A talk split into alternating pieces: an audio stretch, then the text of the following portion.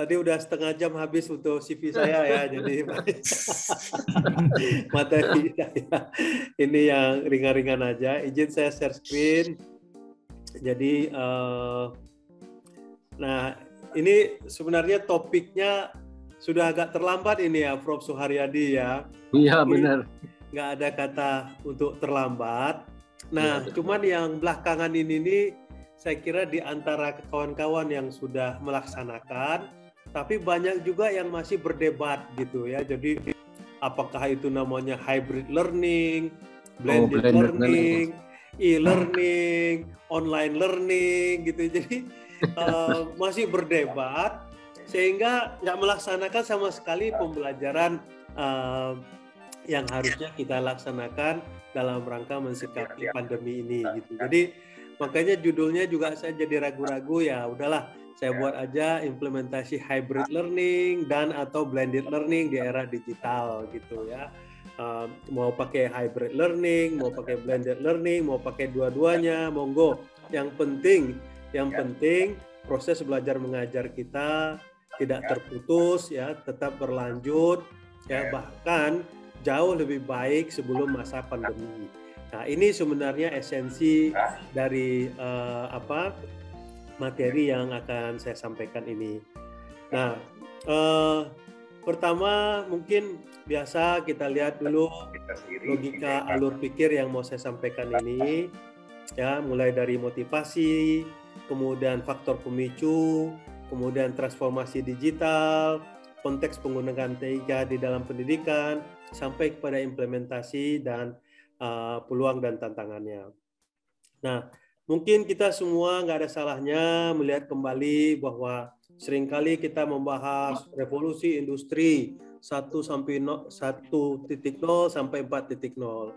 Kemudian masuk ke dalam masyarakat society 5.0. Ini rasanya udah berbusa-busa kita uh, sampaikan di berbagai macam webinar, seminar, conference dan sebagainya gitu. Tapi saya khawatir kita sendiri tidak melakukan apa yang harusnya kita lakukan. Nah, yang kedua ini saya gabung saja dari revolusi 4.0 itu ada sekurang-kurangnya 8 teknologi yang memicu ya, yang memicu transformasi digital atau yang memicu disruptif antara lain artificial intelligence, Internet of Things, blockchain, drone dan sebagainya. Nah, ditambah ya dengan hadirnya pandemi Covid-19 ya ini tidak ada lagi alasan kita untuk tidak berubah. Nah, cuman yang berubah itu apa begitu? Nah, ini saya belajar dari Prof Eko yang berubah itu harusnya mindsetnya kita, ya pola pikir kita, perilaku kita begitu. Bukan hanya memindahkan geografis di depan kelas belajarnya yang sebelum pandemi ke dalam Zoom setelah pandemi. Nah, ini kalau kita kelihatannya hanya memindahkan geografisnya saja sebelum pandemi kita tetap muka di kelas, selama pandemi kita pindah ke Zoom. Nah, ini yang mungkin perlu kita benar-benar sadari sudah sejauh mana kita berubah sudah sejauh mana kita melakukan uh, transformasi digital tersebut. Ya, rasanya kita sudah melakukan, tapi kalau saya lihat pengamatan pribadi saya belum sama sekali. Ya, jadi kita masih dalam wacana, sibuk berdiskusi, berdebat, ya sehingga yang disalahkan nanti adalah teknologinya. Gara-gara teknologi, mahasiswa malas belajar, gara-gara teknologi dosen nggak bisa menyampaikan materinya dengan baik. Jadi yang jadi kambing hitam malah teknologi. Padahal era digital sekarang ini nih dan juga generasi berikutnya itu harus kita antarkan cara belajar, cara mempelajari, memahami teknologi, cara mengembangkan ilmu pengetahuan, ya mau tidak mau harus berubah, tidak seperti bisnis as usual. Nah, tiga gelombang disruptif ini, revolusi industri 4.0, COVID, kemudian pembatasan aktivitas sosial, harusnya kita dapatkan banyak berkah ya di balik musibah tersebut begitu. Tapi kelihatannya kita tidak belum berhasil ya kalau menurut pengamatan saya kita lebih banyak uh, ngeles di musibahnya saja tanpa melihat berkah di balik uh, pandemi tersebut gitu. Nah, sementara itu dunia terus berubah ya kita lihat kegiatan-kegiatan kita yang uh, biasanya beraktivitas uh, dari yang lama ke yang baru bekerja dari jam 8 sampai jam 5 atau jam 4 ya sekarang orang bekerja anytime, anywhere, anyhow. Ya, kemudian juga orang biasanya pergi bekerja ke kantor, sekarang kita juga bisa bekerja di mana saja, semakin banyak co-working space dan sebagainya dan sebagainya. Jadi eh, perubahan itu sendiri adalah suatu keniscayaan yang yang tidak bisa kita hindarkan. Kalau saya mengatakan ya itulah dia sunatullah. Nah, khusus untuk di pendidikan ya sebenarnya kita dituntut karena memang zamannya menuntut bahwa pendidikan itu harusnya lebih adaptif, lebih fleksibel. Mungkin ini berbeda di zaman saya dulu waktu SD, SMP, ya di mana kita begitu teratur apa segala macam. Ya sekarang ini nih keteraturan itu bentuknya lain, yaitu dia bisa lebih adaptif, lebih fleksibel, lebih agile, lebih personal, lebih kontekstual, lebih relevan bahkan lebih manusiawi ya. Kenapa? Selama ini nih kita mengajar di kelas itu berasumsi semua mahasiswa di kelas itu punya kemampuan yang sama. Semua mahasiswa kita atau murid kita yang di kelas itu mempunyai IQ yang sama. Tentunya ini kurang manusiawi menurut hemat saya ya karena pada dasarnya manusia itu satu sama lain kadarnya berbeda-beda. Nah, untuk itu selama pandemi ini sebenarnya kita dipaksa bahwa yang belajar itu tuh harusnya lebih personalized, ya lebih manusiawi, disesuaikan dengan pace-nya, disesuaikan dengan kecepatannya. Ya tentunya kita tetap mempunyai ukuran-ukuran yang namanya standar. Nah, transformasi digital dalam dunia pendidikan ini sebenarnya momen yang tepat sekali walaupun sudah dua tahun kita pandemi ini ya tidak ada kata untuk terlambat. Jadi tetap kita akan terus melakukan transformasi yang tadinya dari kiri ke kanan ini sifatnya road learning ya. Kita tentunya sampai kepada yang saat ini tahapan itu belajar dari berbagai macam sumber, diskusi, kemudian kita posting hasilnya, kita diskusikan lagi ya dan sebagainya dan sebagainya. Kembali lagi inilah bentuk ya fakta yang suatu keniscayaan yang tidak bisa kita hindari karena memang zaman berubah, generasi berubah ya. Yang kita pertahankan itu bukanlah uh, tentang apa yang dulu kita dapatkan ya, tetapi yang kita pertahankan itu tuh ya perubahan itu sendiri ya agar anak-anak kita ke depannya lebih adaptif ya, lebih akomodatif ya, lebih uh, inovatif, kreatif ya menghadapi zamannya. Jadi yang kita harus pikirkan itu adalah anak-anak kita ke depan, bukan diri kita. Nah, di sini juga uh, banyak literatur yang sudah kita uh, apa kaji, bahkan kita buat penelitiannya ya mulai dari student center, social learning, personalized learning. Ini merupakan semua paradigm shift of pedagogi. Ya ini saya kira Prof. Eko jagonya nanti ini ya bahwa pedagogi kita sudah bertambah. Tidak hanya pedagogi pembelajaran tidak hanya pedagogi mata kuliah ya tapi juga kita tambahkan dengan pedagogi teknologi. Nah ini juga kalau kita lihat istilah-istilahnya pun makin canggih. Ya learning, e-learning, mobile learning, ubiquitous learning, smart learning. Jadi eh, kita mencoba menghindari diri kita dari perdebatan apakah kita mau pakai blended learning, hybrid learning, online learning segala macam. Yang penting kita mengarah kepada smart learning.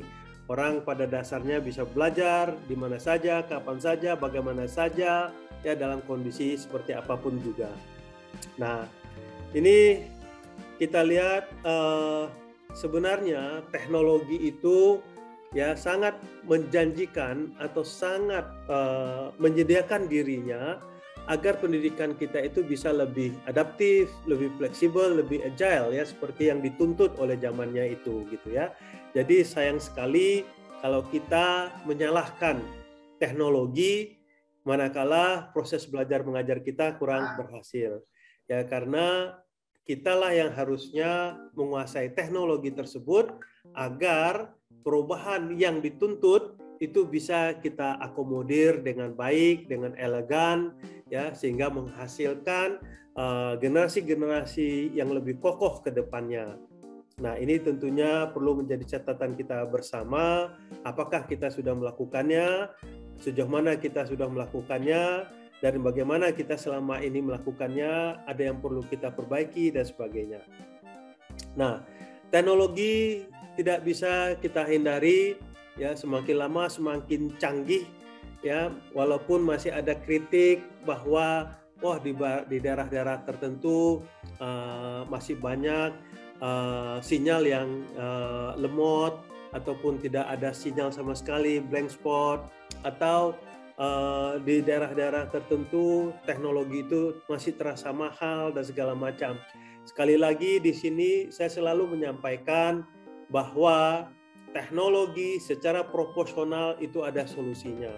Kalau sekiranya di daerah yang blank spot, ya tentunya kita tidak menuntut online, ya kita bisa menuntut semi online bahkan bisa kita tuntut batch mode ya.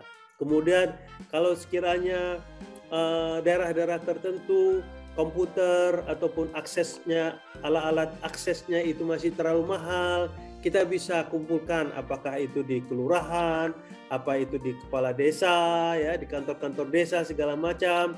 Ya tentunya dengan menjaga prokes ya kita bisa membuat atau menyediakan akses-akses pendidikan di berbagai macam daerah. Nah, tentunya, tentunya, nah ini tadi yang perlu kita personalize. Orang yang berada di daerah remote, orang yang berada di daerah jauh, tentunya tidak kita samakan kecepatannya dengan orang yang berada di perkotaan. Ya. Nah, ini yang sebenarnya bisa disediakan oleh teknologi bahkan lebih manusiawi ya ketimbang di masa pandemi ini nih anak-anak kita suruh ke kampus atau ke sekolah dengan jarak uh, tempuh yang lumayan jauh ya mereka juga terancam terhadap lingkungan terhadap uh, masih adanya serangan pandemi ya dan sebagainya jadi uh, banyak hal-hal yang bisa kita selesaikan tanpa harus menyalahkan teknologinya ya Sekali lagi di dalam ilmu komputer itu ada yang namanya online, ada yang namanya semi online, ada yang namanya batch mode. Ya semuanya itu merupakan solusi ya dari berbagai macam uh, permasalahan yang kita hadapi. Nah, kemudian aplikasi pun semakin banyak ya nggak perlu kita sekarang ini nih membuat atau mengcoding aplikasi ya kemudian kita uh, testing kemudian kita uji cobakan lagi dan sebagainya. Pakai saja yang sudah ada. Bahkan di sini kita bisa menggunakan di samping sosial media, tentunya bukan ini yang menjadi utamanya, tapi sekurang-kurangnya udah banyak sekali LMS-LMS yang uh, bisa kita gunakan sebagai pelengkap dari proses belajar mengajar kita secara uh, e-learning ya antara lain yang uh, sering dipakai orang adalah Moodle. Nah, Tentunya kita nggak ingin bahwa selama ini nih kita hanya menggunakan sosial media.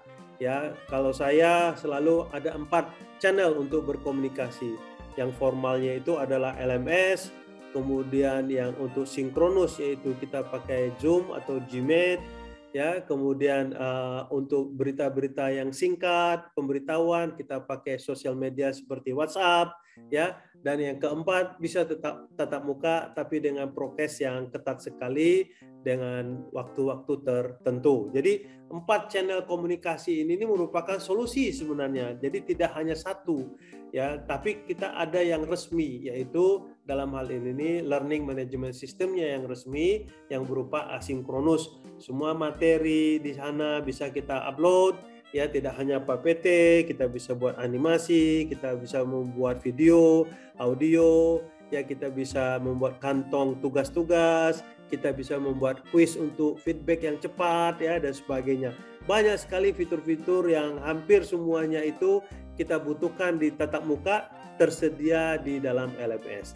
Nah, inilah yang sebenarnya perlu kita gali lebih jauh lagi agar proses belajar mengajar kita tidak hanya selama pandemi ini, tapi nanti juga setelah pandemi harusnya itu sudah menjadi bagian dari proses belajar mengajar kita. Ya, karena itulah yang dipaksakan selama kita di pandemi ini agar tetap kita gunakan sebagai best practice nanti setelah pasca pandemi atau yang namanya new normal. Kita nggak tahu kapan.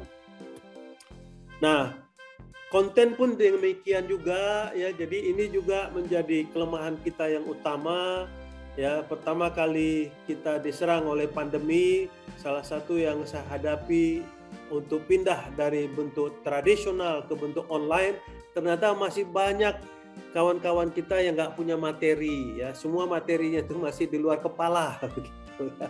jadi dan kalaupun ada materinya tidak terstruktur dengan baik ya kalaupun terstruktur dengan baik sangat dangkal. Ya jadi ternyata pandemi ini nih sebenarnya memberi pesan kepada kita agar kita dosen-dosen ini nih perbanyaklah, perbaikilah, perbaguslah digital learning content kita. Ya, jadi uh, ini sangat penting ya. Apalagi sumber pembelajaran banyak bisa diakses dari mana saja. Ya tinggal kita olah ya tentunya jangan kita copy paste begitu saja ya kita sesuaikan dengan konteks lokal kita kita sesuaikan dengan pengalaman penelitian kita pengabdian masyarakat kita sehingga contoh-contoh yang kita gunakan pun bukan lagi contoh-contoh dari textbook ya tetapi contoh-contoh yang memang kita kerjakan sendiri. Nah, ini yang kita sebut dengan konteks lokal ya.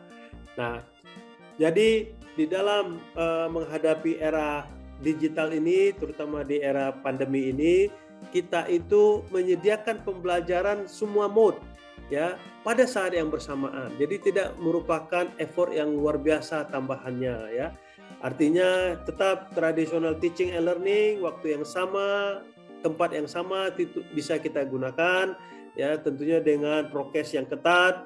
Tapi pada saat yang bersamaan bagi ada mahasiswa kita yang nggak bisa hadir pada saat yang bersamaan ya waktunya oh dia bisa hadir di waktu yang berbeda different time.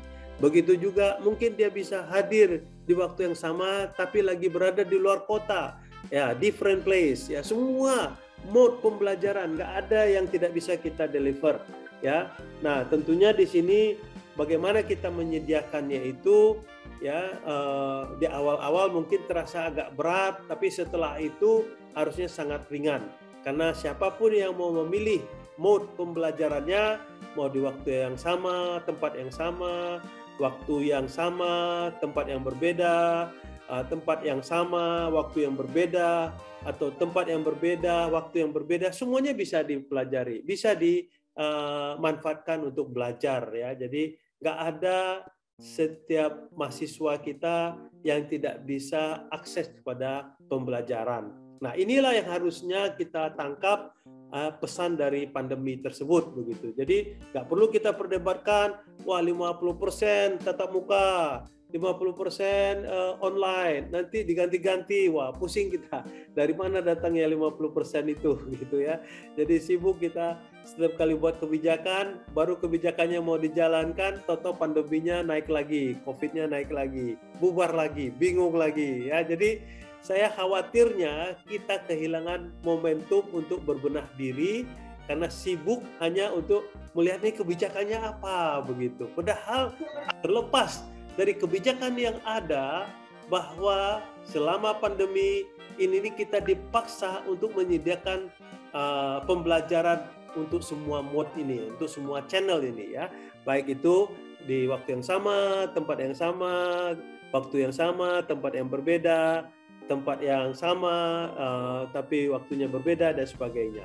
Ini ini sebenarnya esensi ya menurut hemat saya yang perlu kita perkuat ya sehingga kita kasih kebebasan kepada mahasiswa dia mau memilih mode yang mana. Bahkan dia bisa gonta-ganti mode-nya. Ya besok dia mau tetap muka dan di waktu yang sama tapi kemudian minggu depan dia misalnya ada gejala uh, kena covid dia bisa apa uh, pindah ke tempat yang berbeda. Bahkan juga kalau sekiranya waktu-waktu tertentu dia tidak fit dia bisa belajar di waktu yang lebih uh, uh, konsisten atau yang lebih uh, sesuai dengan kondisi dan situasi si mahasiswa masing-masing. ya. Nah, tentu di balik itu tuh banyak mekanisme untuk kita terus berinteraksi. Ya, kalau biasanya kita uh, hanya percaya kepada absensi, ini pun juga tanpa harus absensi, sistem akan memberikan ya uh, informasi mengenai aktivitas si mahasiswa kita. Ya, ini yang perlu kita dan teknologi untuk menyediakan ini tidak mahal. Ya. Nah, jadi TIK dalam pendidikan channel ke berbagai macam sumber belajar semakin banyak baik yang sifatnya langsung sinkronus maupun yang tidak langsung asinkronus ya di sini uh, menyediakan fleksibilitas waktu belajar alat-alat untuk mengakses sumber belajar semakin mobile mudah dan beragam komputer laptop smartphone dan sebagainya nah setiap orang berpotensi sebagai produsen bahan ajar dan sekaligus sebagai pembelajar bahan ajar resource sharing ya ini juga akan mengundang kreativitas mahasiswa-mahasiswa kita ya karena tugas-tugas yang kita berikan itu juga uh, sangat mungkin mereka kerjakan di situasi dan kondisi yang sesuai dengan mereka masing-masing. Nah, kembali lagi di sini untuk itu saya katakan bahwa mau kita implementasikan hybrid learning. Hybrid learning itu sebenarnya seperti saya sekarang ini nih. Ya, saya belajar di uh, saya memberikan materi di depan Zoom ya, kemudian uh, di depan saya ada mahasiswa yang tradisional mendengarkan, tapi pada saat yang bersamaan ya mahasiswa saya ada juga sebagian yang mengikuti melalui Zoom. Itu namanya hybrid learning. Ya, saya tahun 2006 sudah mempraktekkan ini di UI. Ya, saya punya TV besar, saya punya mahasiswa di empat tempat, Medan, Palembang, Bali, Bandung, ya. Uh, cuman pada saat itu tuh mereka harus ngeriung di dalam satu ruangan ya masing-masing kasih papan nama saya bisa memonitor mereka melalui televisi ya kita bisa berinteraksi tapi pada saat yang bersamaan saya juga belajar mengajar di uh, depan mahasiswa saya secara tradisional. Nah itu namanya hybrid learning. Nah kemudian materi-materi saya saya rekam ya kemudian saya posting di LMS sehingga manakala mahasiswa saya tidak bisa hadir pada saat itu baik yang di tempat maupun yang di luar uh, apa di di daerah lain ya dia masih tetap bisa mengikutinya melalui uh, mode yang tersedia di LMS saya asinkronus. Nah, pada saat yang bersamaan itu namanya blended learning ya. Kita blending antara yang tatap muka dengan yang offline. Jadi menurut hemat saya ya kita mau pakai yang mana, pakai aja semuanya dan bagus judulnya di dalam webinar ini kita sebut dengan e-learning. Nah, itulah dia e-learning ya menurut hemat saya.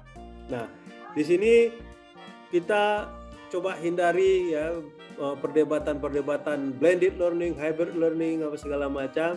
Yang intinya bagaimana kita memanfaatkan teknologi informasi dan komunikasi untuk mendukung pembelajaran yang baik ya terutama di era uh, pandemi ini. Nah, di sini kita ngambil istilah e-learning saja ya, itu belajar secara daring, ya pembelajaran yang dapat dilakukan dari mana saja, oleh siapa saja, untuk siapa saja, kapan saja, ya. Tentunya semua monitoring, evaluasi, absensi segala macam itu dengan mudah sudah tersedia di fitur-fitur sistem yang kita gunakan. Ya, di sini akan terdapat fleksibilitas tempat belajar, menghilangkan penghalang jarak dan batas, baik itu faktor geografis, ya, kemudian menghilangkan penghalang penghalang kapasitas tempat, ya, misalnya uh, mungkin di tempat yang kita sedang berada, uh, katakanlah infrastrukturnya kurang memadai, kita bisa cari tempat yang lebih memadai, ya, dan sebagainya. Nah, ternyata hasil dari e-learning ini kalau kita laksanakan dengan baik, ya ternyata jauh lebih baik daripada yang tradisional learning ya jadi pada intinya itu ya kita rangkum di sini waktu yang sama tempat yang sama tetap bisa kita lakukan saat ini nih tapi kalau kita tambahkan dengan di kuadran satu ini dengan zoom maka kita bisa menyediakan pembelajaran bagi mahasiswa kita yang berada di lokasi yang berbeda.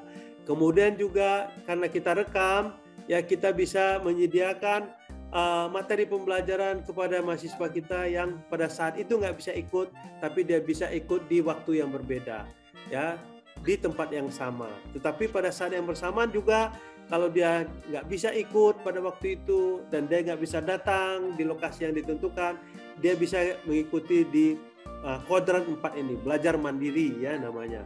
Nah, semuanya ini nih bisa terintegrasi, terekam ya, ter uh, termonitor dengan baik dengan sistem yang ada. Nah, tentunya banyak di sini kemudahan-kemudahan ya, kelebihan-kelebihan yang dari berbagai macam penelitian membuktikan bahwa baik bagi dosen, bagi mahasiswa, bagi perguruan tinggi, ya ternyata e-learning ini ini kalau benar-benar dikerjakan jauh lebih baik daripada traditional learning. Ya, jadi kembali lagi kita sukanya mencari kambing hitam yang selama ini kita salahkan malah teknologinya padahal cara belajar mengajar kita cara kita mengakomodir teknologi yang ada justru jauh dari memadai. Oke, nah ini hasil dari berbagai macam penelitian. Penelitian ini juga pernah saya uh, uji cobakan kembali ya. Jadi traditional learning dengan e-learning kalau dilaksanakan dengan baik bahkan hasilnya cenderung lebih baik yang e-learning.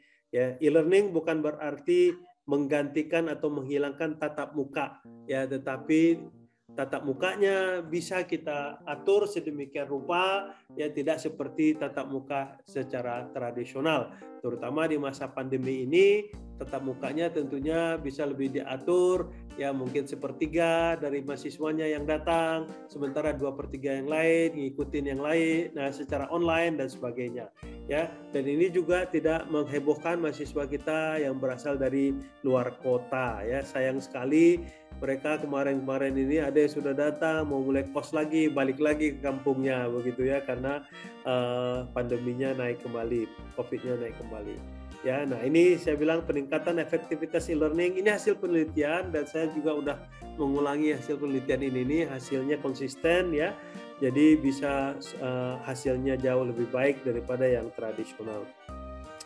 Nah dalam hal ini nih tidak ada keraguan lagi bahwa e-learning dapat digunakan untuk meningkatkan akses ya dan meningkatkan mutu pembelajaran.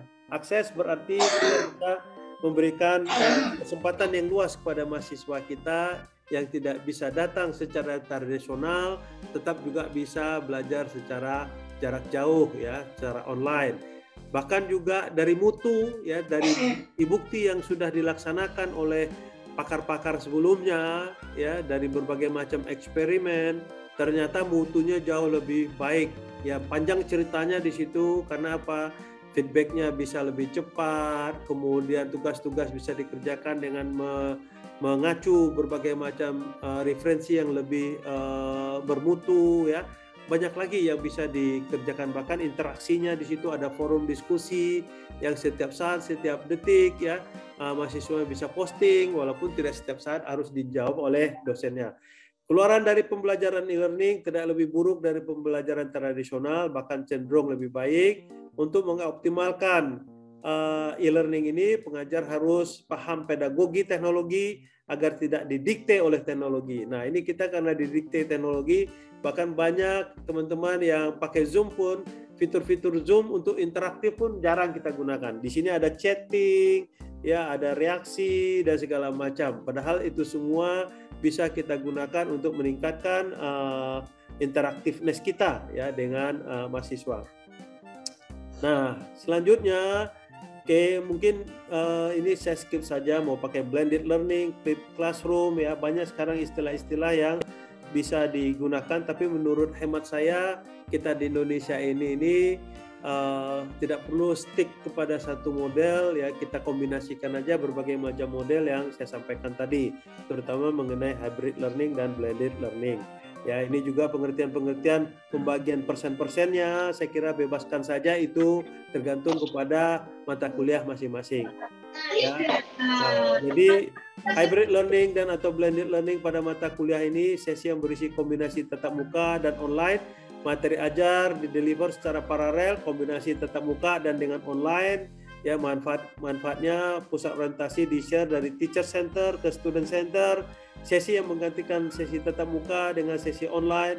Materi ajar di deliver sepenuhnya secara online baik secara sinkronus maupun asinkronus dan sebagainya ya. Jadi banyak cara uh, untuk kita melakukan memanfaatkan teknologi itu sehingga semuanya bisa belajar ya.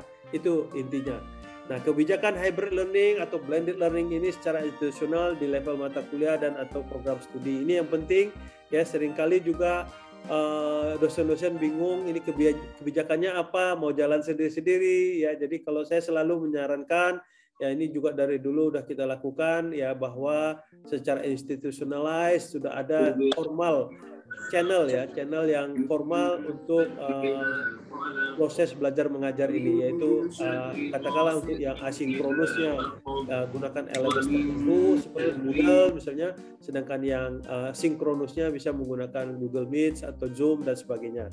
Nah, bentuklah unit-unit pendukung pengelola pelayanan pengembangan e-learning karena tidak semua dosen ya walaupun dia pinter tapi nggak pandai membuat materi Nah, ini juga udah lama menjadi best practice di perguruan tinggi perguruan tinggi terkenal ya, selalu mempunyai e-learning development center.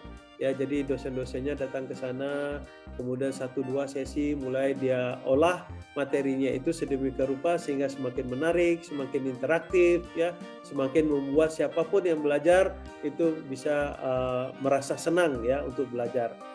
Kemudian penyediaan infrastruktur sekurang-kurangnya minimum infrastruktur ya baik itu bandwidth, uh, server dan sebagainya. Pelatihan-pelatihan bagi dosen dan mahasiswa akan pedagogi teknologi ini penting ya.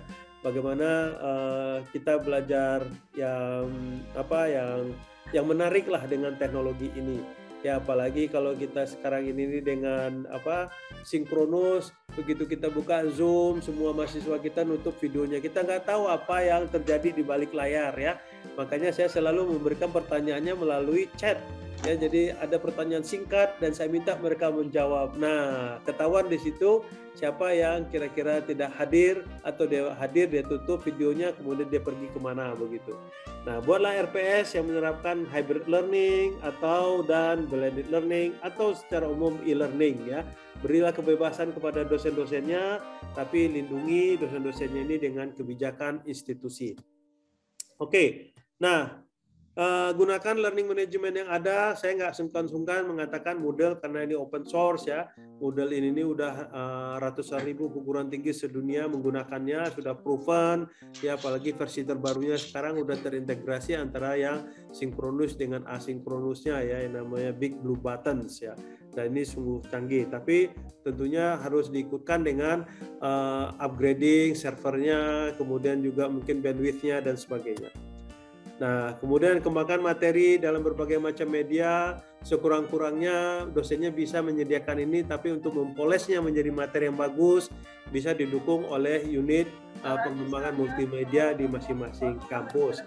Ya, sekaligus memberikan uh, pekerjaan kepada mahasiswanya bisa berupa uh, kerja praktek ya untuk mengembangkan konten-konten positif. Nah, tentunya peluang dan tantangannya apa? Penerapan hybrid dan atau blended learning ini akan lebih uh, membuka lebih lebar lagi akses ke pendidikan ya karena hampir semua uh, mahasiswa dengan berbagai macam kendalanya tetap bisa diakomodir ya di uh, di situasi saat ini nih.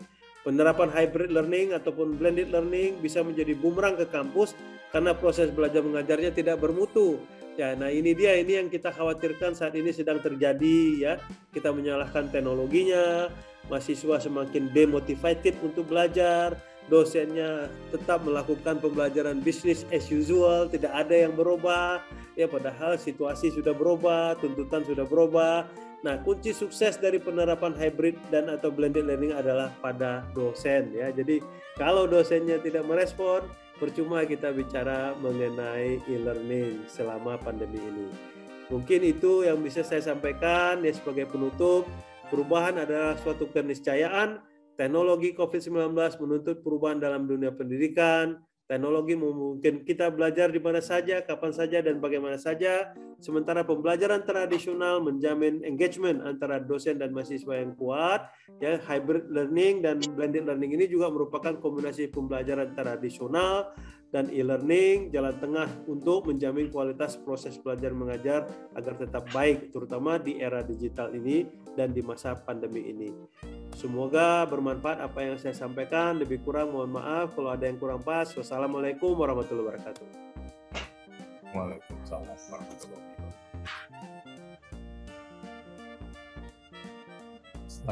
Bisa kita buka sesi tanya jawab langsung, Prof. Boleh, boleh, boleh. Mungkin dari peserta ada yang ingin mengajukan pertanyaan, boleh lewat chat atau sebenarnya kalau langsung mungkin di harus tunjuk tangan dulu ya biar operator bisa memilih mana yang ingin langsung bertanya. Kalau kalau chat silakan silakan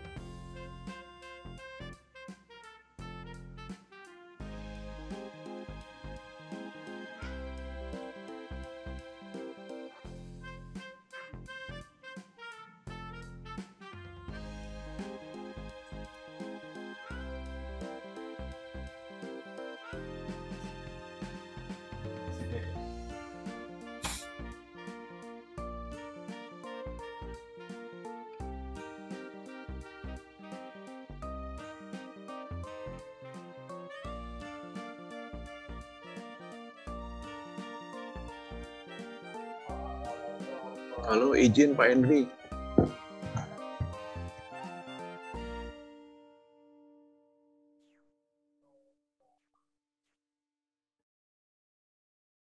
Halo, izin Pak Henry. Langsung aja Pak Margono. kan Pak Margono Baik, makasih Pak Henry, makasih Prof.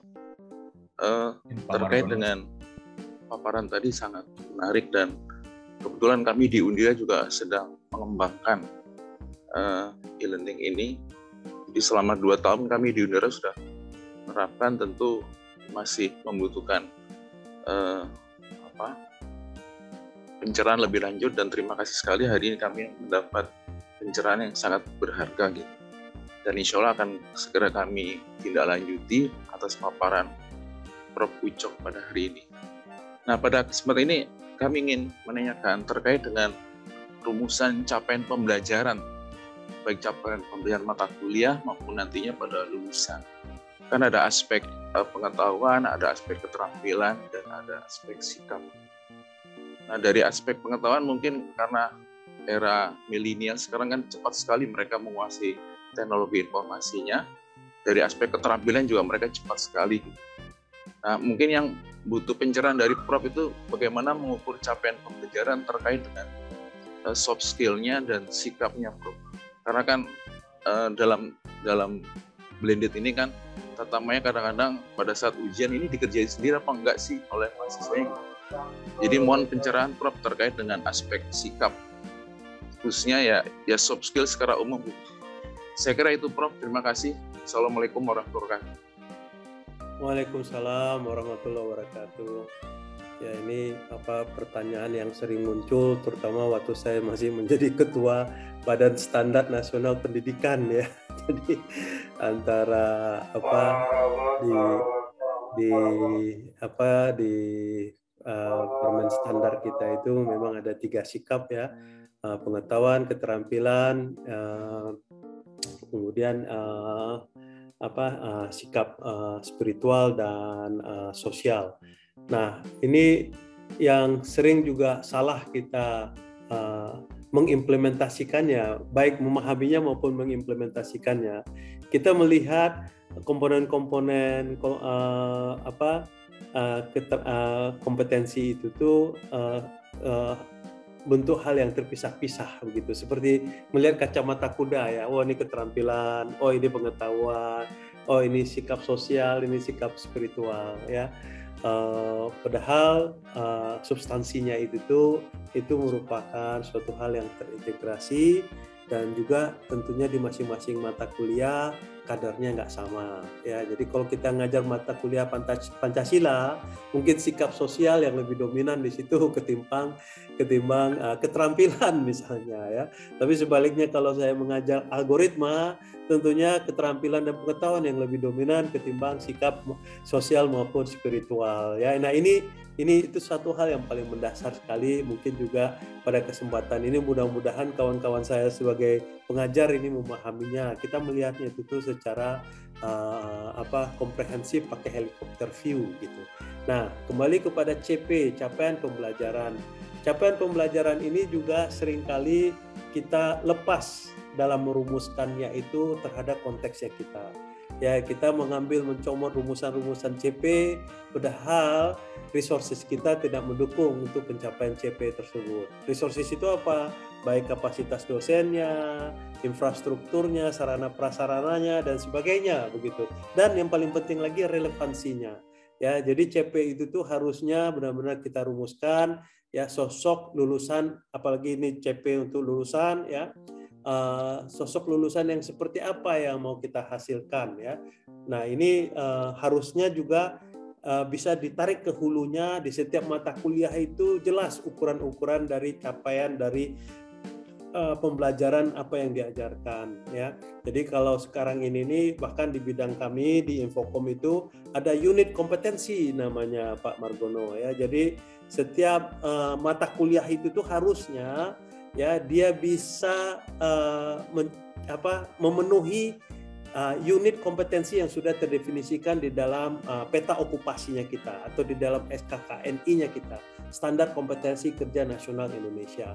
Nah ini saya melihat ya belum begitu um, dipahami oleh dosen-dosen ya jadi kalau membuat RPS ditanya ini keluaran atau capaian dari pembelajaran ini apa bagaimana uh, mengajarkannya, apa yang diajarkannya, bagaimana mengevaluasinya, wah hilang akalnya ya. Yang tahu dia hanya ada UTS, ada UAS, gitu ya. karena itu perintah ya. Padahal yang namanya evaluasi itu mungkinlah kalau secara teoritis mungkin Pak Margono juga tahu ada yang namanya sumatif, ada formatif ya segala macam. Ya, jadi uh, banyak cara untuk kita mengevaluasi capaian pembelajaran tersebut begitu. Nah, yang paling penting lagi sebelumnya itu kita rumuskan dulu ya capaian pembelajaran yang memang benar-benar bisa kita capai. Ya, benar-benar kita capai itu tuh kalaupun kita nggak punya resources yang cukup, harus kita cukupkan gitu atau harus kita adakan ya jadi jangan sampai kita membuat suatu rumusan yang ngambang ya yang tidak terdefinisikan dengan jelas tidak operasional tidak implementatif ya sehingga uh, setiap ya di unit yang paling kecil si mahasiswa selesai mengambil suatu mata kuliah ya sebenarnya persisnya kompetensi apa yang dia miliki Nah, ini boleh dikatakan kita tidak lakukan evaluasinya. Nah, kompetensi ini nih mau kompetensi dari segi pengetahuan, keterampilan, ya sikap, ya sama saja. Kita lihat dari tiga atau uh, pakai helikopter view tersebut. Inilah yang menurut hemat saya uh, masing-masing kampus ya untuk terus-menerus melakukan evaluasi apakah melalui penjaminan mutu internalnya ya untuk melihat ya antara uh, eh, RPS atau silabus dari dosen-dosen, materi kuliahnya, proses belajar mengajarnya, proses evaluasinya, ya kemudian uji kompetensinya, ya itu benar-benar harusnya sudah uh, terlaksana dengan baik dan itu semuanya ada. Ya, nah kembali lagi ya kita rasanya tidak memanfaatkan ya uh, pandemi ini nih untuk melakukan penguatan-penguatan yang seperti uh, isu yang disampaikan oleh Pak Margono tadi begitu. Itu mungkin jawaban saya Pak Margono. Makasih. Makasih Prof. Berikutnya lagi ada ini ada di chatting ini Pak Andri, yeah. mungkin saya iya. bacakan yeah. aja ya dari yeah. Pak Lawrence, Lawrence. Ya bertanya bagaimana jika implementasi e-learning di perguruan tinggi tidak diimbangi dengan sarpas dan users yang high tech Nah, tidak harus high tech ya, tidak harus sarpasnya itu, itu canggih. Sesuaikan aja dengan kadarnya porsinya masing-masing ya. Yang seperti saya bilang tadi, kalau memang bandwidthnya nggak kuat, ya janganlah materinya dalam bentuk video terus gitu ya. Ya, kalaupun mau kita buat dalam bentuk video, kita taruh dia di dalam suatu lingkungan yang tidak memakan bandwidth yang banyak. Manakala itu di-download ya. Jadi banyak caranya. Kemudian juga Jangan terus-menerus kita pakai apa sinkronus. Sinkronus ini memakai bandwidth ya. Jadi lagi pula mahasiswa kita kasihan ya kalau dalam satu semester ada enam mata kuliah ya setiap hari dosennya itu tuh sinkronus ya kalau dosennya paling lama ngajar dua jam di depan uh, Zoom atau di dalam Gmat di depan Gmat tetapi mahasiswanya ya enam kali dua jam 12 jam dia non stop di depan uh, komputer gitu. Jadi sebenarnya kita juga uh, mungkin ya belum tahu sekarang ini nih nanti belakangan baru ketahuan jangan-jangan kita udah memberikan radiasi yang banyak kepada mahasiswa kita begitu ya karena setiap hari kita itu hanya zoom. Itu tadi yang saya bilang ya memindahkan geografisnya itu dari depan kelas ke zoom ya. Seharusnya tidak demikian. Mungkin itu Bu atau Pak Lawrence Kellen makasih Bagaimana Pak Lawrence? Ada tanggapan?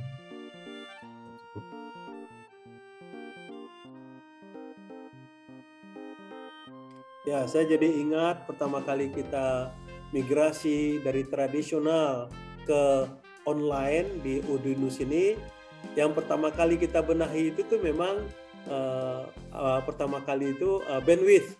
Ya, jadi kita langganan suatu provider Sementara sebagian mahasiswa aksesnya menggunakan provider yang lain. Akhirnya solusinya sederhana aja, saya bilang ya beli aja bandwidth dari provider yang bersangkutan. Selesai satu masalah. Kemudian eh, masalah keduanya begitu mahasiswa akses semua ke materi dosen ya oh ternyata servernya jeblok gitu ya. Oke, solusinya apa? Ya kosongkan server yang ada atau beli server yang baru. Selesai udah ya beli server yang baru ya. Hampir satu miliar gitu. Jadi nah yang ketiga masalahnya apa? Wah ternyata dosen-dosennya materi ajarnya juga banyak yang bolong-bolong gitu ya. Semuanya ada di dalam kepala dosennya. Ya udah langkah pertamanya tulis ya apakah mau di dalam bentuk Word apakah itu dalam bentuk PPT naikkan ke dalam uh, ininya kita apa LMS-nya kita. Oh ya sebelum itu LMS-nya juga belum ada ya adanya individu-individu buat kebijakan ya dari institusi bahwa kita menggunakan LMS sebagai uh, channel utama pembelajaran kita namanya Kulino gitu. Udah selesai. Nggak sampai satu bulan di awal Februari eh, apa ya Maret April ya 2020 itu kita bermigrasi ke online ya Nah, alhamdulillah di Jawa Tengah ya Udinus mungkin Pak Suharyadi tahu salah satu kampus yang tidak terputus proses belajar mengajarnya gitu. gitu. Jadi sebenarnya solusinya sederhana ya. Jadi sering kali kita bilang oh, nggak perlu nggak perlu sebenarnya kita beli apa yang komputer yang high tech itu yang seperti apa sih? Saya punya super komputer sekarang nih, malah bukan untuk e-learning ya, untuk riset yang super komputernya. Oke, mungkin itu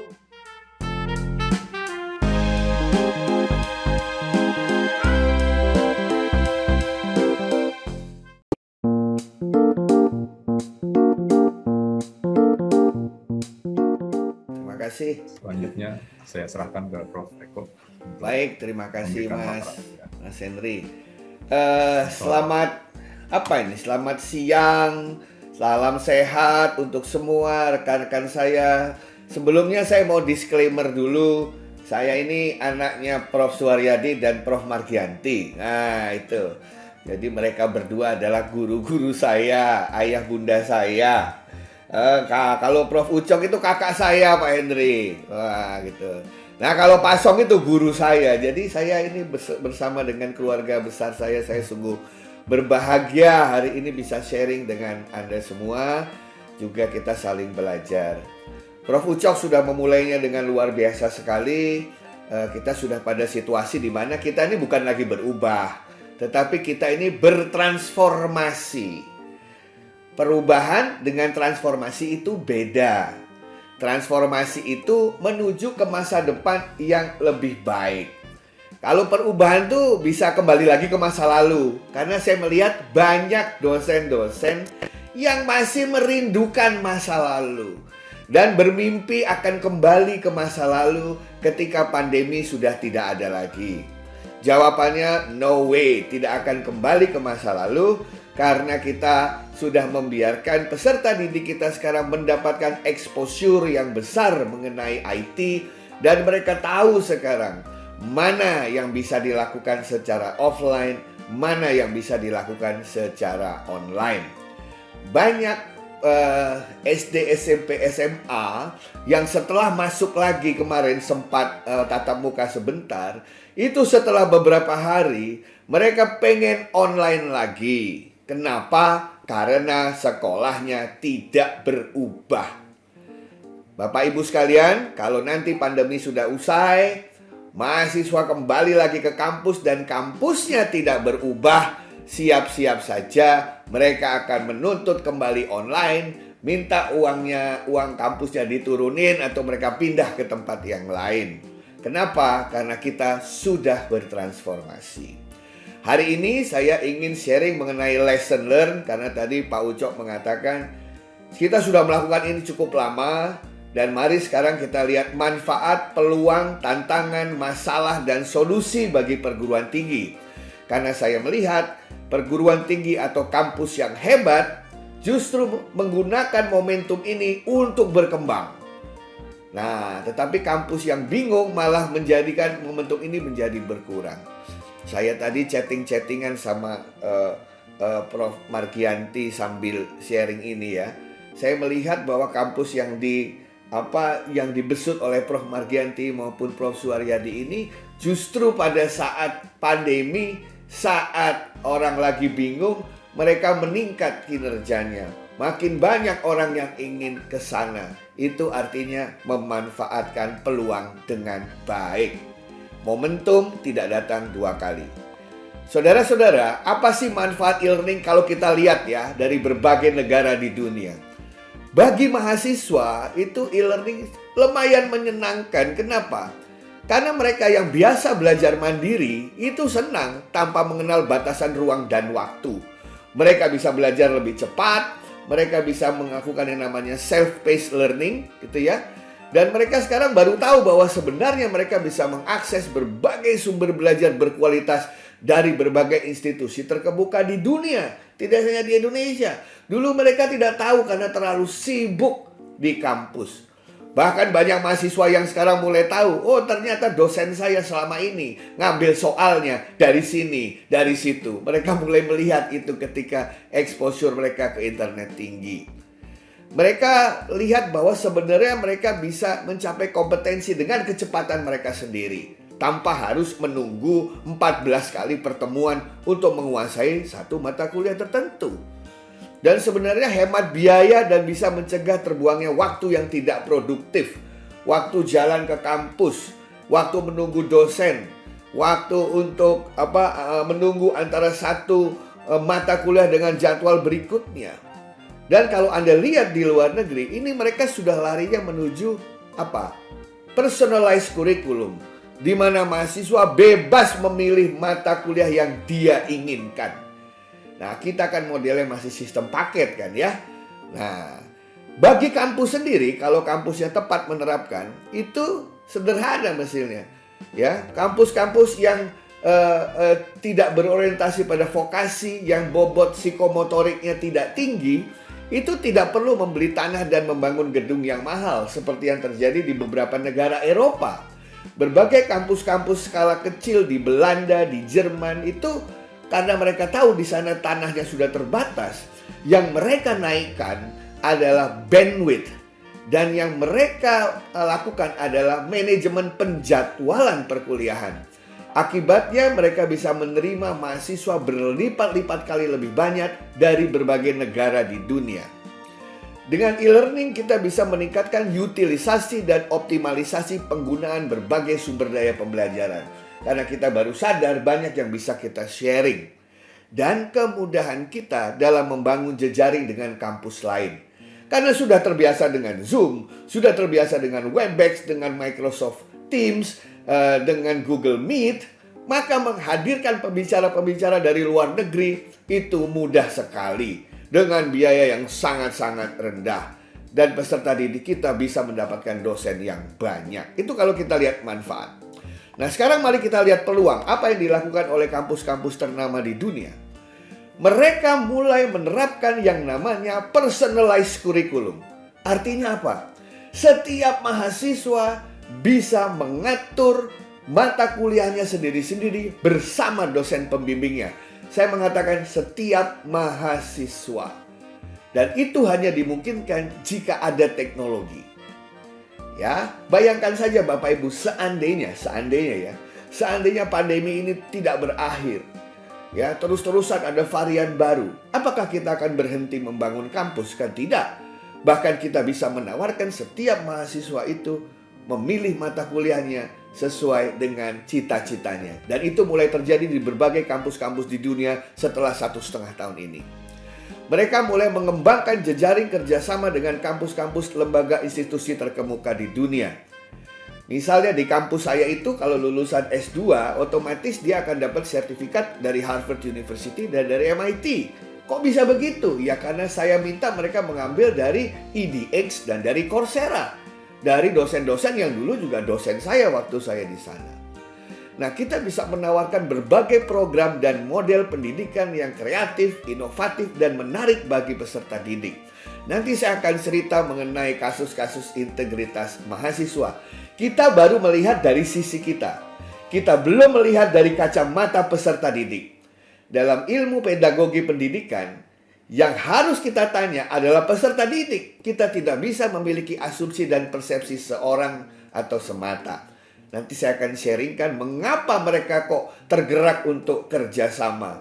Mengapa mereka tergerak untuk copy paste. Mengapa mereka tergerak untuk dalam tanda petik berbuat curang. Nah, itu kan kata-kata itu dari persepsi kita sebagai generasi X, sebagai generasi baby boomers. Tapi nanti saya akan sharingkan dari perspektif kacamata peserta didik itu sendiri. Mengapa mereka melakukan hal itu? Karena saya sempat melakukan penelitian terkait dengan hal tersebut. Ya, di belakang nanti ya. Kemudian kita mulai bisa melaksanakan model pembelajaran berbasis konteks ubiquitous learning yang sudah diajarkan oleh Prof. Ucok tadi. Nah, dengan kata lain, Anda malah bisa mengintegrasikan perguruan tinggi dengan ekosistem pendidikan atau industri secara seamless. Lah kalau sekarang semua pakai Zoom apa bedanya? Dosennya dari dosennya dia atau dosennya dari pakar yang ada di industri. Sama usahanya. Tinggal kasih link Zoom, diklik dan mereka bisa menjadi dosen kita. Artinya, lu peluangnya luar biasa. Ya, transformasi kampus luar biasa. Kampus tidak lagi menjadi place. Dulu kan campus as a place to study. Kemudian bergerak menjadi campus as a services. Jadi kampus itu tidak ada di mana-mana tapi ada di mana-mana. Kalau kampus as a study place, kita yang datang ke kampus. Tetapi kalau kampus as a service, kampus yang datang ke mahasiswa. Di mana pun mahasiswa berada, di rumah, di kendaraan, di mall, ya di mana pun dia berada, kampus ada. Itu filosofi dari e-learning yang sebenarnya. Dan sekarang dunia sedang mengarah kepada campus as a platform. Apa itu campus as a platform? Tempat bertemunya orang yang butuh ilmu dan orang yang punya ilmu tempat bertemunya orang-orang yang butuh kompetensi dengan orang-orang yang kelebihan kompetensi. Itulah yang namanya campus as a platform. Dan sekarang sudah menuju transaksi ke sana. Itu yang dikatakan oleh Prof. Ucok sebagai mindset tadi. Kalau mindset kita masih berpikir campus as a place, maka kita hidup di masa lalu. Masa lalu indah pada waktunya masa lalu tepat pada waktu itu dan sekarang kita berkembang menuju kepada dunia baru. Saudara-saudara sekalian, saya akan teruskan ke yang namanya tantangan e-learning. Tantangan e-learning nomor satu, saya sepakat, saya mengamini yang dikatakan Prof. Ucok adalah perubahan paradigma. Kenapa perubahan paradigma itu penting? Nanti saya jelaskan. Kedua, karena apa yang sekarang terjadi? Pertarungan antara mereka yang punya fixed mindset dengan yang punya growth mindset. Seorang profesor dari Stanford mengatakan, bedanya orang yang berhasil dengan orang yang mediocre adalah orang yang berhasil berani membuat growth mindsetnya mengalahkan fixed mindsetnya. Orang yang punya fixed mindset selalu berkata, wah nggak mungkin saya bisa melakukan ini. Gak mungkin saya bisa memonitor siswa supaya nggak nyontek. Gak mungkin saya bisa mengajarkan integritas tanpa ketemu tatap muka. Gak mungkin saya bisa e, membuat mahasiswa mencapai kompetensinya kalau kita tidak bertemu secara fisik. Itu orang-orang yang punya fixed mindset. Tapi orang yang punya growth mindset dikatakan bahwa mungkin terjadi asal saya diajarkan. Hal itu bisa asal saya boleh latihan dan diberi kesempatan. Hal tersebut mungkin apabila saya di coach, saya didampingi, dikasih tahu bagaimana cara mengerjakannya. That is the person who have a growth mindset. Nah, karena fixed mindset akan selalu menekan ini susah, ini nggak bisa, dan lain sebagainya. Semua bisa, walaupun sulit. Nah, itu kata Prof. Renal Kasali. Semua bisa, walaupun sulit. Artinya apa? Kita harus berusaha. Nah, ya. Kemudian yang tepat adalah kita bagaimana caranya melakukan transformasi yang mulus. Ya, transformasi yang seamless itu yang dialami uh, banyak eh, kampus-kampus uh, yang ada sekarang. Dan pemilihan strategi yang tepat dan paling terakhir, keberanian dalam memanfaatkan peluang dan momentum yang langka ini. Momentum ini tidak akan datang dua kali dan kita tidak ingin datang dua kali Bapak Ibu. Jadi nanti jangan menyesal ketika pandemi sudah selesai ya, yang sudah terbiasa dengan uh, e-learning akan tumbuh secara pesat tapi yang kembali ke masa lalu perlahan-lahan akan kehilangan mahasiswanya. Nah, masalah e-learning pasti ada. Tidak mungkin ada yang bermanfaat, tidak ada masalahnya. Bapak Ibu, saya kasih lihat hasil dari uh, riset di berbagai kampus di dunia, tidak hanya di Indonesia. Kegagalan tinggi karena peserta didik tidak terbiasa belajar secara mandiri. Ya, Bapak Ibu sekalian, di mana-mana e-learning itu yang sukses karena siswanya biasa belajar mandiri. Ya, nanti kita lihat cara solusinya. Kedua, kebingungan pendidik atau dosen karena tidak memiliki kompetensi merancang proses pembelajaran berbasis digital. Mereka terbiasa berasumsi atau mempersiapkan ajaran kalau ketemu tatap muka secara fisik. Tapi kalau digital, mereka tidak terbiasa. Ketiga, kegamangan pimpinan dalam menerapkannya karena khawatir melanggar aturan. Silahkan kita lihat banyak sekali pimpinan perguruan tinggi yang takut karena melanggar aturan. Padahal dalam kondisi pandemi ini yang berlaku adalah protokol khusus. Semua diperbolehkan kecuali yang dilarang. Keempat, ketidaksiapan karyawan kampus dalam menyediakan layanan modern berbasis digital kepada stakeholdersnya. Karena kalau sudah berbasis digital maka semua layanan kampus pun administrasinya, operasionalnya, kontaknya juga harus berbasis digital. Ketidakmampuan mengembangkan berbagai teknologi pembelajaran yang pas, yang sesuai kebutuhan. Kebingungan memilih bahan ajar yang pas dan lain sebagainya. Nah, dari itu semua Bapak Ibu, saya ingin memberikan tujuh solusi berdasarkan pengalaman kami uh, untuk menjalankan ini selama 2 tahun, 20 tahun bersama Prof. Ucok gitu ya, keliling-keliling kampus. Tujuh solusi yang mungkin bisa menjadi bahan pertimbangan Anda untuk bisa dipelajari. Pertama, dosen harus menguasai ilmu cybergoji. Ini tidak, ini walaupun kayaknya sederhana, saya akan tanya kepada Bapak Ibu sekalian. Mereka yang sering mengikuti seminar saya, atau sering mengikuti kelas saya, pasti akan bertanya-tanya. Kenapa Prof Eko kalau bicara itu, kalau ngomong itu selalu kesannya semangat, berteriak-teriak dan lain sebagainya. Saya tanya Pak Henry sebagai moderator, kenapa kira-kira Pak Henry? Saya kalau ngomong itu berteriak-teriak atau pakai tangan gini-gini segala ke kamera. Why Pak Henry? Supaya perhatian. Nah, Pak Henry mengatakan supaya mendapatkan Dan perhatian. Audiens. Oke ya Pak. Oke, saya lihat dari ilmu cybergogi. Bapak-bapak, ibu-ibu sekalian, saya bicaranya begini untuk memenangkan screen. Karena saya yakin di depan bapak-bapak dan ibu-ibu sekalian pasti membuka banyak jendela. Ayo chatting, ngaku. Selain buka Zoom ini, Anda buka apa lagi? Buka Zoom, buka WA, buka email, buka Netflix, ayo chatting. Selain dengerin Zoom ini, Anda buka apa di HP apa di komputer Anda? Ya kan? Pasti semua buka. Orang saya aja sambil buka WA kok. Nah, tuh Bu Desi Ramayanti buka WA. Eh, Bu Siti Mardina ketahuan deh katanya gitu ya. Bu Siti Komaria buka WA. Ayo yang lain ngaku di sini ada 158 orang. Nah, tuh Bu ah, Pak Aryo Nur Utomo buka email. Tuh, ya toh. Ini namanya cybergogi, Pak. Apa? Saya tidak bisa berasumsi mahasiswa hanya mendengarkan saya. Walaupun mereka buka video, belum tentu mereka mendengarkan saya. Dalam ilmu cybergogi saya harus tahu bahwa saya hanya satu dari lima layar yang dibuka oleh mahasiswa. So, what should I do? Ah, itulah Pak namanya salah satu ilmu yang dipelajari dalam cybergogi. Nah, misalnya ya saya kasih sederhana. Pak Hendri, ini dapat sertifikat nggak pesertanya? Dapat, Prof. Oke, saya tambahkan satu sertifikat dari saya. Tapi hanya saya akan berikan kepada mereka yang ikut terlibat chatting dari tadi pagi. Ini chatting di Zoom itu kan ada tiga titik. Itu akan saya save.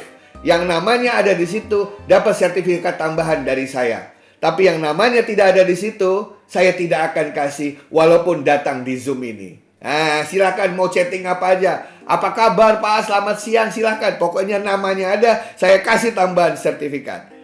Nah, itu kan Pak kelihatan Pak.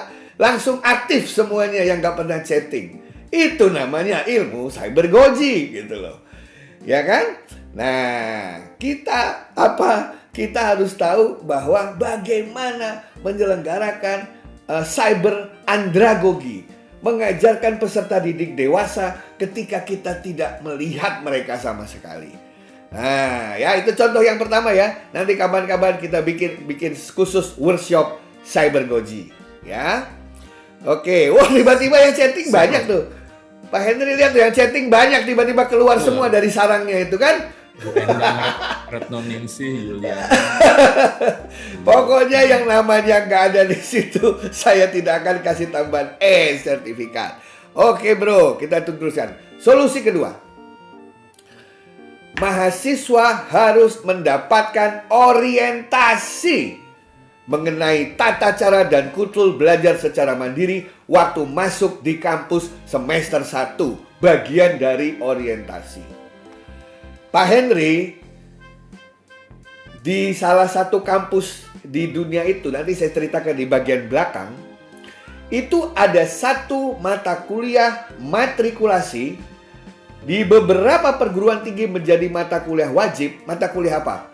Mata kuliah persiapan untuk mengikuti e-learning di kampus.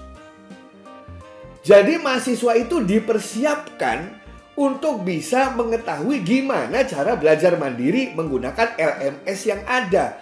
Bukan dari segi aplikasinya, tapi dari segi integritas, dari segi pedagogi, dari segi penilaian evaluasi, dari segi interaksi, itu diajarkan di depan. Kalau tidak lewat mata kuliah itu, mereka tidak boleh ikut e-learning dalam konteks virtual 100% e-learning. Ya, kenapa? Karena mereka terbiasa sampai SMA disuapin, itu masalahnya. Ketika SD, SMP, SMA menunggu apa kata guru baru mereka lakukan dan mereka masuk ke kampus dan menunggu apa kata dosen baru dilakukan, maka itu bukan mahasiswa lagi, itu siswa biasa. Maka jadi beberapa kampus ada mata kuliah wajib, bisa matrikulasi, bisa wajib, di mana dia harus lulus dulu mengenai mata kuliah ini. Baru dia boleh ngambil mata kuliah berbasis e-learning. Dan di dalam mata kuliah itu diajarkan integritas, bagaimana bisa ketahuan Anda nyontek apa tidak, bagaimana caranya jika Anda ingin mereferensi agar tidak dianggap plagiarisme, bagaimana caranya Anda bisa berinteraksi, Anda akan bisa dinyatakan lulus dari mata kuliah itu, dan lain sebagainya. Nanti saya sharing di bagian ketujuh. Jadi kita harus punya waktu dedicated, bukan hanya dua jam, tapi serius orientasi mengenai cara belajar mandiri di kampus. Itu menyangkut plagiarisme, integritas, pemakaian learning management system, ketepatan waktu, interaksi, tesis, skripsi, dan lain sebagainya. Ya. Kemudian ketiga, perguruan tinggi harus memiliki ahli distance education instructional design karena e-learning itu bukan kelas biasa yang dipindahkan ke dunia cyber. E-learning itu secara prinsip, secara konsep termasuk distance education. Jadi instructional design-nya harus berbasis distance education. Beranggapan bahwa kita tidak akan bertemu secara fisik dengan peserta didik kita. Jadi jangan dibalik. Tadi ada yang bertanya mengenai capaian pembelajaran. Saya selalu ditanyakan, begini pertanyaannya selalu. Bagaimana saya bisa mengukur mereka sudah uh, mencapai tujuan pembelajarannya atau capaian pembelajarannya atau tidak ya Pak? Ini kan dalam konteks e-learning. Saya tanya balik ke dosen itu. Dulu Bapak waktu merancangnya bagaimana? Kok nggak tahu cara mengukurnya? Kalau Anda tidak tahu cara mengukur tujuan pembelajaran yang sudah Anda tetapkan, itu artinya desain instruksionalnya keliru. Artinya tidak visible program pembelajaran kita karena kita nggak bisa mengukurnya. Itu yang disampaikan oleh Prof. Ucok di depan. Jangan-jangan tujuan pembelajarannya copy paste dari tempat lain. Sehingga Anda sendiri bingung caranya mengukurnya. Nah, kita harus berprinsip bahwa kalau kita belajar ilmu pendidikan, teknologi pendidikan, setelah menentukan capaian pembelajaran, tahap kedua adalah menentukan cara mengukurnya itu tercapai atau tidak. Dalam konteks e-learning, jika Anda kesulitan mengukurnya, cuma ada dua caranya. Satu, belajar caranya supaya gak sulit. Atau kedua, mungkin tujuan pembelajarannya tidak visible, terlalu ambisius. Sehingga dosen harus menjadi arsitek proses pembelajaran. You like it or not, tapi inilah yang namanya uh, hal yang harus kita pahami saat ini. We have to change, we have to learn. Makanya UNESCO bilang pembelajaran seumur hidup sepanjang hayat itu bukan untuk mahasiswa, ya untuk kita juga sebagai dosen. Kita harus belajar lagi cara menjadi arsitek proses pembelajaran dalam model e-learning yang totally different dengan cara membuat sistem pembelajaran model klasikal atau konvensional. Solusi ketiga. Solusi keempat. Dengan kata lain, dosen harus diajarkan cara mengembangkan bahan ajar berbasis self-instructional materials. Bapak Ibu, saya tanya, Bapak Ibu masih langganan majalah Bobo nggak dulu waktu kecil? Ayo saya tunggu di chattingan ya. Saya masih langganan Bobo, kawanku, kuncung. Ayo siapa yang masih satu generasi sama saya ini? Masih ingat nggak apalagi Bobo, kawanku, kuncung, buku cerita apalagi? Ayo kasih tahu saya. Ayo Pak Didi Juardi, Bu Yefri. Oh, majalah gadis. Hai. Bobo, hai, Intisari. Oke. Saya tanya Bapak Ibu sekalian ya. Bobo itu datangnya berapa minggu sekali? Bobo kawanku kuncung itu berapa minggu sekali datangnya? Nah, satu minggu sekali. Oke. Intisari, intisari berapa berapa itu sekali? Intisari? Kalau intisari berapa lama terbitnya? Intisari sebulan, Bobo seminggu sekali. Oke. Hai hai hai hai. Majalah hai. Gadis, gadis. Nah, sekarang saya tanya ya. Bobo seminggu sekali terbit. Intisari satu bulan sekali terbit. Sekarang saya tanya. Anda baca Bobo itu selesai dalam waktu satu minggu atau satu hari selesai? Anda baca Intisari itu sebulan baru selesai atau dalam beberapa hari sudah selesai? Saya tanya. Ayo, atau yang baca Koping Ho boleh. Tuh, Pak, Pak Henry bisa ngelihat ya. Bobo itu seminggu baru keluar lagi, tapi satu hari selesai. Kenapa? Karena asik pak, kita ketagihan. Belum yang baca Kopingho tuh. Baca satu halaman, lupa makan. Kita pengen baca sampai habis. Padahal itu bacanya harusnya dikit-dikit. Kenapa? Karena bahan pembelajaran Bobo itu mengasihkan dan menyenangkan. Itu self-instructional material saya nggak usah tanya ayah ibu saya, saya bisa ngerjain sendiri. Saya tanya ke bapak-bapak ibu-ibu sekalian. Kasih tahu saya bahan ajar dalam bentuk buku yang mahasiswa kalau ngelihat halaman 1 2 langsung pengen ngabisin sampai ke belakang tanpa disuruh. Ayo, bahan pelajaran apa? Kasih tahu saya. Apa kesan mahasiswa ngelihat 5 halaman pertama dari buku kita? Udah pengen nutup aja rasanya katanya gitu kan. nah, self instructional material yang baik itu membuat anak-anak ketagihan baru ngelihat depannya. Kayak waktu kita pramuka melihat buku SKU kalau Anda masih ingat ya. Kita mau siaga, kita penggalang, kita penegak. Kalau lihat namanya SKU, standar kecakapan umum, pengen cepet-cepet ditandatangani semua oleh pembinanya. Saya pengen cepet-cepet bisa menguasai semua yang tulis di SKU itu. Walaupun pramuka satu minggu sekali dan ketemu cuma dua jam, tapi saya bisa tali temali, saya bisa semapur, saya bisa menjebak apa? Bisa membantu orang nyebrang sungai, saya bisa naik gunung. Padahal nggak pernah diajarin. Self instructional material sebagai e-learning adalah intinya karena orang lupa yang namanya pembelajaran adalah interaksi antara peserta didik tidak hanya dengan pendidik tapi juga dengan sumber belajar. Jadi orang yang tergila-gila Koping Ho, Lima Sekawan, Api di Bukit Menore, album cerita ternama, ya dan lain sebagainya itu. Kenapa?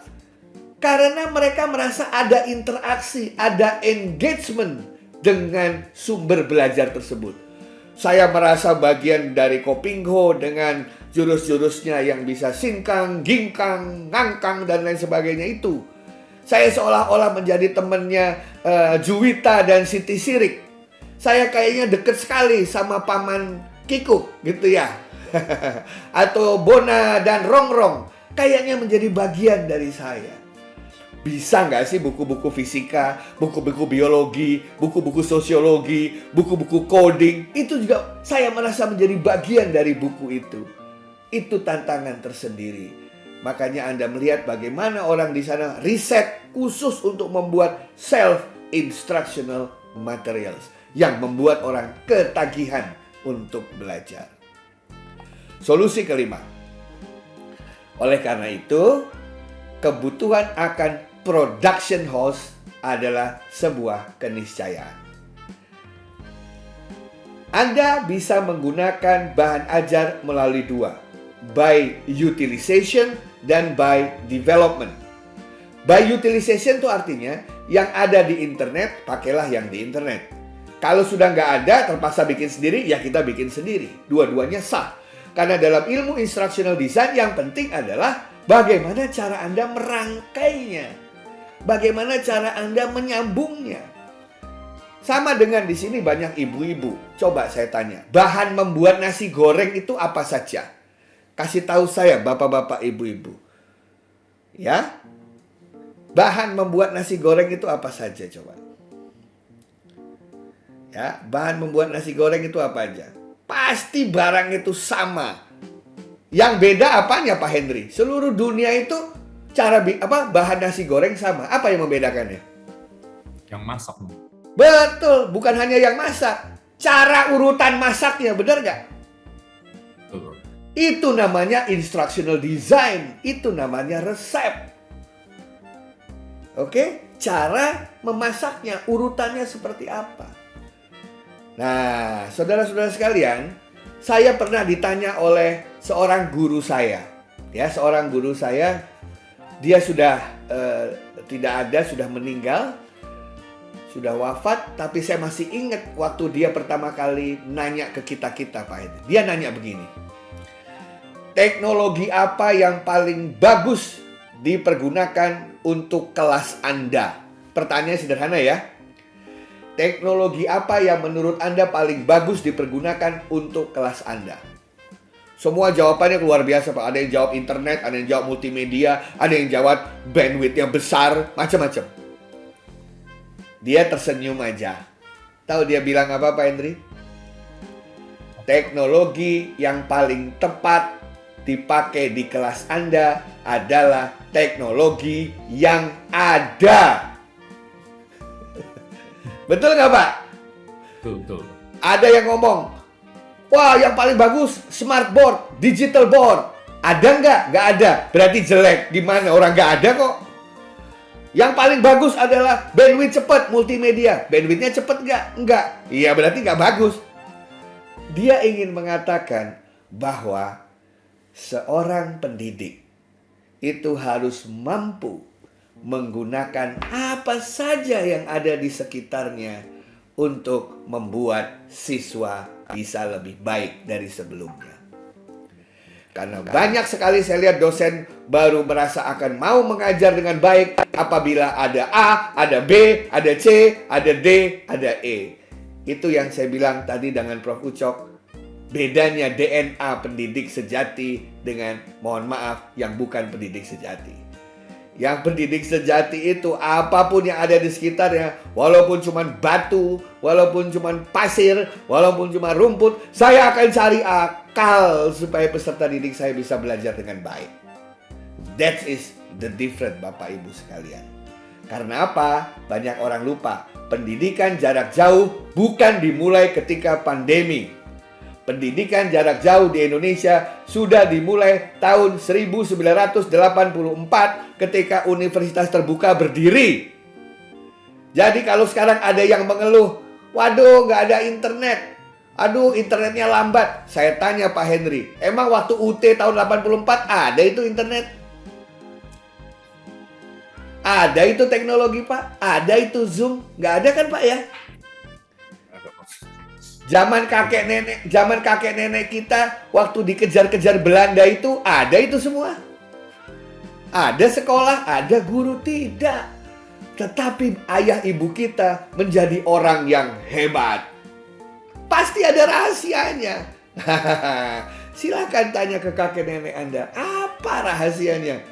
Di zaman Jepang, zaman Belanda, anaknya banyak, semuanya sukses jadi orang, dan itu menjadi orang tua kita. Pasti ada rahasianya. Nah, di situlah kita harus melihat mengenai konstelasi ini. Solusi yang keenam. Kesuksesan dalam e-learning sangat tergantung pada kemampuan dosen membangun motivasi dan engagement selama proses pembelajaran berlangsung. Saya kalau ngajar, ya, walaupun saya dapat 2 jam, 3 jam, saya hanya mengajar 15 sampai 30 menit. Pak, Henry. Kenapa? Karena setelah itu yang belajar siswa saya. Saya masuk 5 menit, saya ngobrol dengan mereka, saya kasih sesuatu challenge, kemudian saya berhenti. Nanti satu jam lagi saya ketemu lagi sama mereka. Saya minta mereka bagaimana menjawab challenge itu. 5 menit saya bubarin lagi, akhirnya ketemu lagi nanti. Wah banyak yang mereka dapatkan. Karena itu tadi, ketika saya minta saya minta izin untuk eksperimen beberapa mata kuliah. Dan langsung diizinkan oleh rektor saya pak. Karena rektornya cuma saya itu aja jadi langsung saya izinkan gitu ya. Nah engagement tidak saja antara peserta didik dengan pendidik tapi juga dengan lingkungan belajarnya dengan sumber belajarnya. Dan yang ketujuh yang paling penting Pak Henry apa? Jangan pernah berasumsi atau berpersepsi menjadi bagian dari e-learning kalau para dosen belum pernah ikut e-learning. Pak Hendrik pernah jadi mahasiswa e-learning belum? Anda jadi mahasiswanya loh, bukan jadi dosennya loh. Nah, baru Anda merasakan apa yang dirasakan mahasiswanya. Saya sekarang lagi ngambil dua lagi e-learning. Satu saya mengambil S2 dari University of People, S2 saya yang ke-6, dan saya lagi mengambil satu lagi doktor PhD lewat e-learning, PhD saya atau doktor saya yang kelima. Dan semuanya virtual learning. Kenapa? Karena saya mau belajar bagaimana cara mereka melakukan itu semua. Contoh yang saya berikan tadi adalah University of People, Pak Henry. Syarat untuk masuk ke University of People, kalau Anda ngambil S2 apa pun, harus melalui satu mata kuliah, yaitu mata kuliah apa? Mata kuliah mengikuti e-learning dengan menggunakan LMS. Dan kalau tidak lulus mata kuliah itu, tidak bisa ikut program S2-nya. Dan lucunya lagi Pak, di dalam itu apa yang saya pelajari Pak? Diajari caranya plagiarisme. diajari mengenai menjaga integritas, diajari caranya untuk bagaimana berkolaborasi dengan mahasiswa lain untuk bersama-sama menyelesaikan proyek tertentu dan lain sebagainya. Jadi pertanyaan Pak Song tadi itu banyak yang saya lakukan sebagai berikut Pak Song. Misalnya nih ya, esai, esai. Esai itu paling mudah untuk ngeceknya mereka copy paste atau tidak Pak Henry. Saya tidak marahin mereka, saya tidak force mereka sebagaimana Prof Ucok sampaikan tadi. Saya kasih saya kasih yang sederhana aja. Saya kasih tiga situs untuk ngecek plagiarisme secara gratis. Kan ada plagiarisme net.net dan lain sebagainya. Betul, Pak? Saya bilangnya begini, sederhana. Nilai tertinggi Anda adalah hasil plagiarisme.net berapa persen originalitasnya. Itu nilai tertinggi Anda. Itu aja. Saya nggak ngomong macam-macam, Pak. Jadi mereka mau ngumpulin copy paste silahkan. Begitu saya cek nilai originalitasnya 40%, ya nilai mereka paling tinggi 40. It's up to you. Anda yang punya konsekuensi, bukan saya. Saya cuma keluarin peraturan itu, Pak. Sekarang mereka apa yang dilakukan? Udah jarang mereka yang copy paste atau melihat minimum mereka refrase ulang paling tidak. Makanya saya minta tiga jadi waktu ngumpulin esai diikuti dengan mengumpulkan itu tadi hasil ngecek mereka. Jadi kalau paling tinggi 80%, ya nilai mereka paling tinggi 80. As simple as that yang saya lakukan untuk esai. Dan tentu saja saya punya asisten untuk ngecek kebenaran hal itu. Itu kita menggiring, bukannya kita ingin membuat seperti robot, tapi memberikan suatu suasana sehingga pada akhirnya mereka mengatakan, oke, okay, gak ada cara lain, it has to be my original works. Harus merupakan karya originalitas saya. Itu untuk yang esai. Nah, sederhana kan ya. Nah, sekarang untuk yang multiple choice gimana Pak Hendri? Ya. Kan banyak yang pakai Moodle tuh, pakai banyak multiple choice. Benar Pak Hendri? Betul, betul, betul. Nah, sekarang saya tanya, pasti dosen paling males membuat bank soalnya. Benar nggak Pak Hendri? Bang soalnya harus banget. Kalau saya sederhana. Setiap kali saya selesai kuliah, saya minta masing-masing siswa membuat 10 soal multiple choice. Jadi kalau saya punya 20 siswa, saya punya 200 soal. Dan kalau soal yang mereka buat berbeda dengan yang lainnya, maka mereka dapat nilai 100. Kalau soalnya 7 sama dengan yang lainnya, saya kasih nilai 30. Minggu depan sebelum mulai kuliah, saya main quizzes dulu. Soal dari 200 mahasiswa yang lalu, saya random, masing-masing mereka dapat 10 soal yang berbeda. Dan saya ambil nilai itu.